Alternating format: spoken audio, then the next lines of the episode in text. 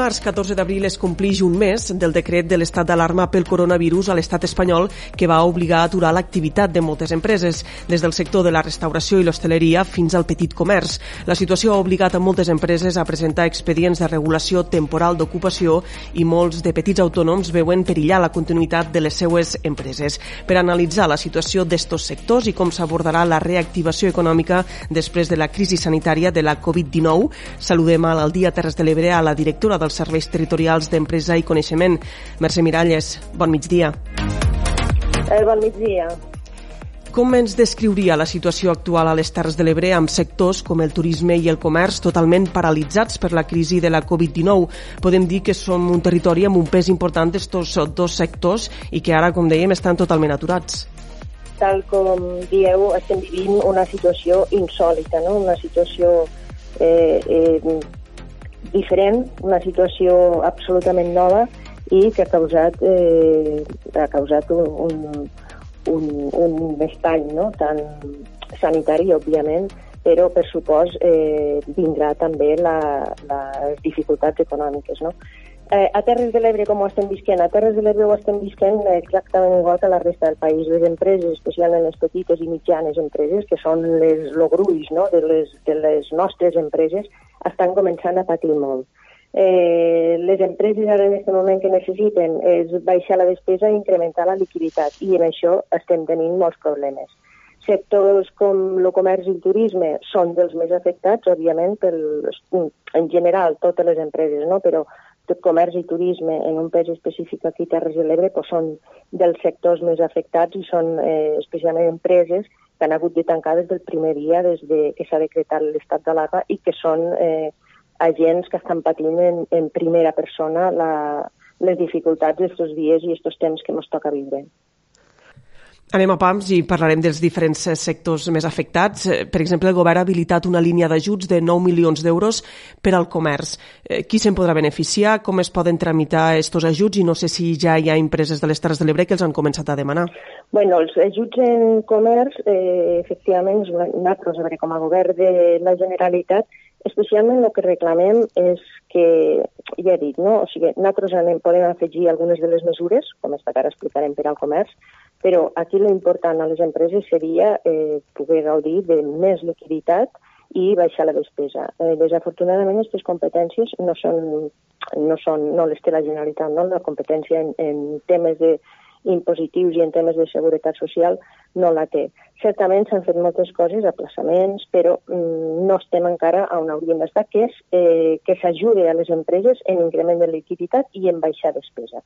Llevat això, eh, el govern de Catalunya en la mesura eh, de les competències que tenim i dels recursos que tenim, conscients de les dificultats del sector comerç, que és el que vostè està dient, eh, habilitarem. Encara no s'ha habilitat, eh? s'està treballant en una línia d'ajuts al, al comerç, al món del comerç, una línia molt reforçada, hi ha 9 milions d'euros en principi per a tot el país, i aquesta línia seran, eh, tindrà tres, tres sublínies, per dir-ho d'alguna manera diferent, hi haurà una primera de suport al món associatiu, eh, sabem de la importància de les associacions i federacions de comerç per al petit comerç, eh, sabem de la importància i, per tant, també se'ls ajudarà, hi haurà una línia específica per a associacions, hi haurà una altra sublínia, millor, eh, específica per a, per a comerciants, per a les empreses.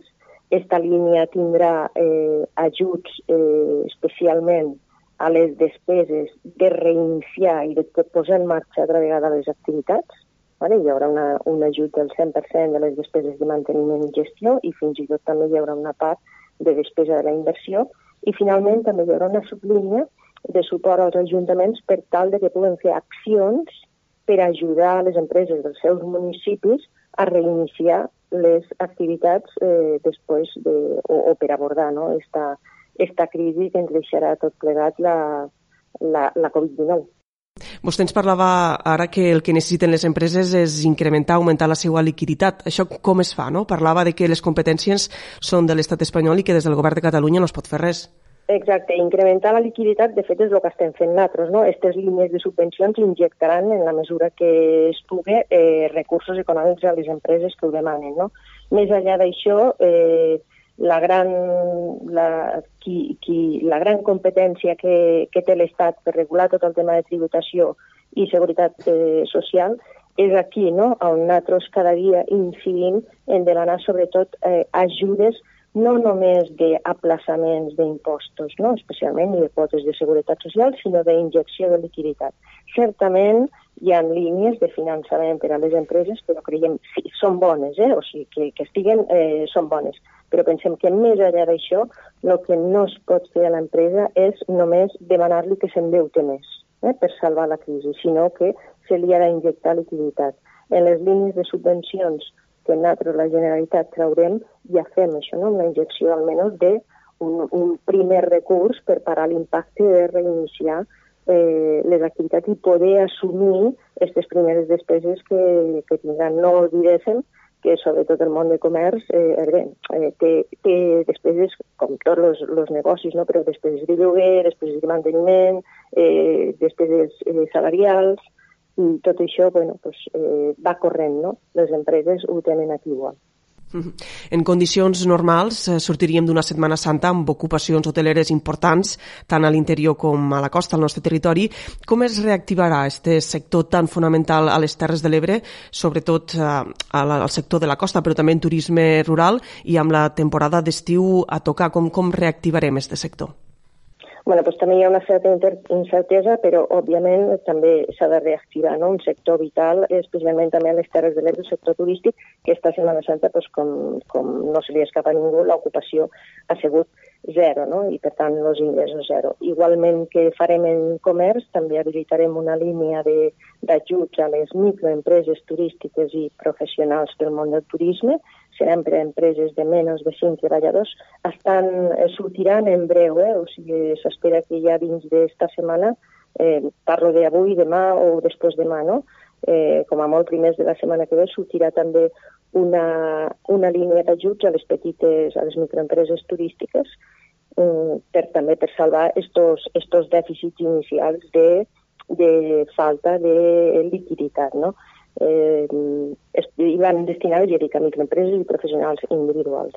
Més enllà d'això, no? eh, del, del que és eh, suport econòmic, eh, conscients de que hi haurà un nou paradigma, no? especialment en el món del turisme, i que encara no sabem no, com, com anirà, però ja també des de, des de l'Agència Catalana de Turisme s'està treballant molt intensament per estudiar no, i per avançar-nos cap a on podran anar aquests moviments turístics que eh, nosaltres també a casa nostra pues, també ho veurem. No? Eh, estem parlant sobretot de que segur que hi haurà que fomentar el turisme de casa nostra, no? el turisme, i en això crec que bueno, hem, hem de ser pioners, hem d'estar molt amatents perquè en això fins i tot mos, mos pot anar bé, no? perquè eh, pensem que esta, esta solidaritat no? també l'hem de jugar en matèria econòmica i poder incrementar els fluxos turístics al nostre, al nostre territori pot ser molt positiu. Eh, insistixo, és molt prematur, però bueno, s'està treballant. Eh, especialment sabem que serà també falta d'oportunitat en empreses del món del turisme, per això doncs, també estem treballant i després eh, treballar molt en com anirà la promoció turística i, i veure cap a on, cap a on se podrà ajudar a este, a este bueno, increment de, -huh. o este, este manteniment almenys de negoci turístic al nostre territori. És que ara li anava a preguntar que queda l'esperança no, que el turisme de proximitat pugui salvar la temporada, sobretot a, les Terres de l'Ebre, no, davant la possibilitat més que probable de la caiguda del turisme internacional, tant d'entrada com de sortida, per dir-ho així la gent deixarà de fer, no? Segurament ni que sigui aquest estiu turisme internacional és més que probable. Exactament, exactament. No ens oblidéssim i també s'està valorant el factor temor, no? El factor temor que, que segurament hi haurà, no? los, I especialment en els moviments. No sabem eh, cap on anirà i tampoc no sabem l'impacte del, del turisme estranger, no? pues mercats com el francès, per exemple, que, tenien, que tenen un pes important aquí, no sabem com se comportarà. Eh, més enllà d'això, insistixo, el mercat eh, eh, de casa segurament que este no mos fallarà i cap a aquesta direcció inicialment segurament que haurem de treballar molt. Hem parlat del comerç i del turisme, que segurament deuen ser els sectors aquí a les Terres de l'Ebre més afectats i on el nombre d'ERTOs, d'expedients de regulació temporal d'ocupació, deu ser més elevat. No sé si, si tenen dades, no?, de si és un percentatge molt elevat aquí al territori.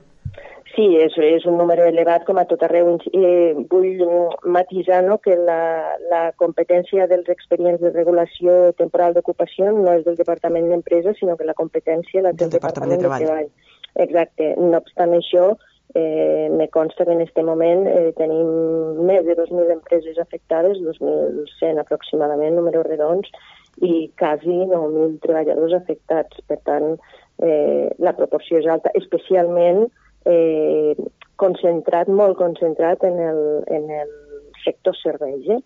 Temen que tot plegat, que aquesta crisi del coronavirus derivi en una pèrdua de llocs de treball i de competitivitat de les empreses, sobretot d'aquest sector serveis que ara nombraves. Uh -huh. Eh, sí, segurament que sí, segurament, veure, tenim la incertesa no, també de cap a on anirà, però eh, este, el sector serveis pues, eh, patirà no, esta, les conseqüències d'això. Però bueno, en, tot, en, en això estem, no, en, en treballar intensament per donar el màxim suport des de les nostres institucions en què en què el comerç i turisme i en general eh, tot el món de l'empresa pugui sortir el millor possible, perquè no ens oblidéssim que eh, si hi ha empresa hi ha treball, no? i si hi ha treball hi ha benestar a la societat, no? I, i per tant eh, treballar i ajudar en el món empresarial, sigui del sector que sigui, és la nostra, és la nostra obligació, la nostra ocupació en aquest moment. Altres sectors com la indústria i la construcció, que a partir d'avui poden reemprendre l'activitat ja que s'ha aixecat el confinament total, patiran menys, per dir-ho així, els efectes de la crisi.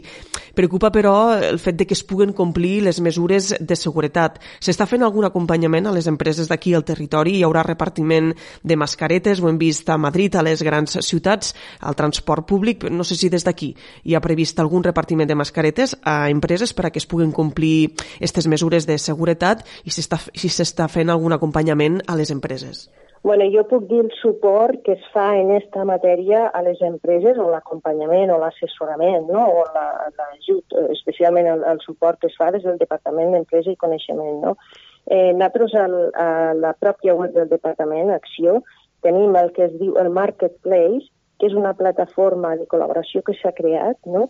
en, on allà hem implementat una sèrie de recursos que les empreses trobaran per a, per a poder demanar suport en cas de que tinguin problemes de material, eh, especialment material sanitari, i, com no, material relacionat amb els EPIs, amb els, amb els equips de protecció individual en el món laboral. El Marketplace, que està dins de la web d'Acció, hi ha en aquest moment més de 800 empreses que ja han estat validades i homologades, que estan eh, fabricant, per dir-ho d'alguna manera, producte eh, vàlid per a això. Per tant, si alguna de les empreses té problemes en trobar subministrament d'aquest tipus d'elements, de, pot acudir allí, òbviament ens poden trucar, ens poden, però és una manera molt fàcil eh, i molt directa de poder trobar acompanyament en aquesta matèria, al marketplace de la web d'acció el govern de la Generalitat no està d'acord en aquest aixecament total del confinament no? i creuen que ara s'hauria de primar el benestar, el salut de les persones, la crisi sanitària a la crisi econòmica. Entenc que això per a les empreses, per a algunes empreses, deu ser difícil d'entendre, no? és difícil d'entendre, és, és difícil eh, d'entendre, no sé, eh, d'entendre segurament que no, eh, però sí de compatibilitzar, no? Este, eh, per supòs vagi per davant que la protecció a la salut és lo prioritari i és lo que marca l'actuació la, no, d'aquest govern.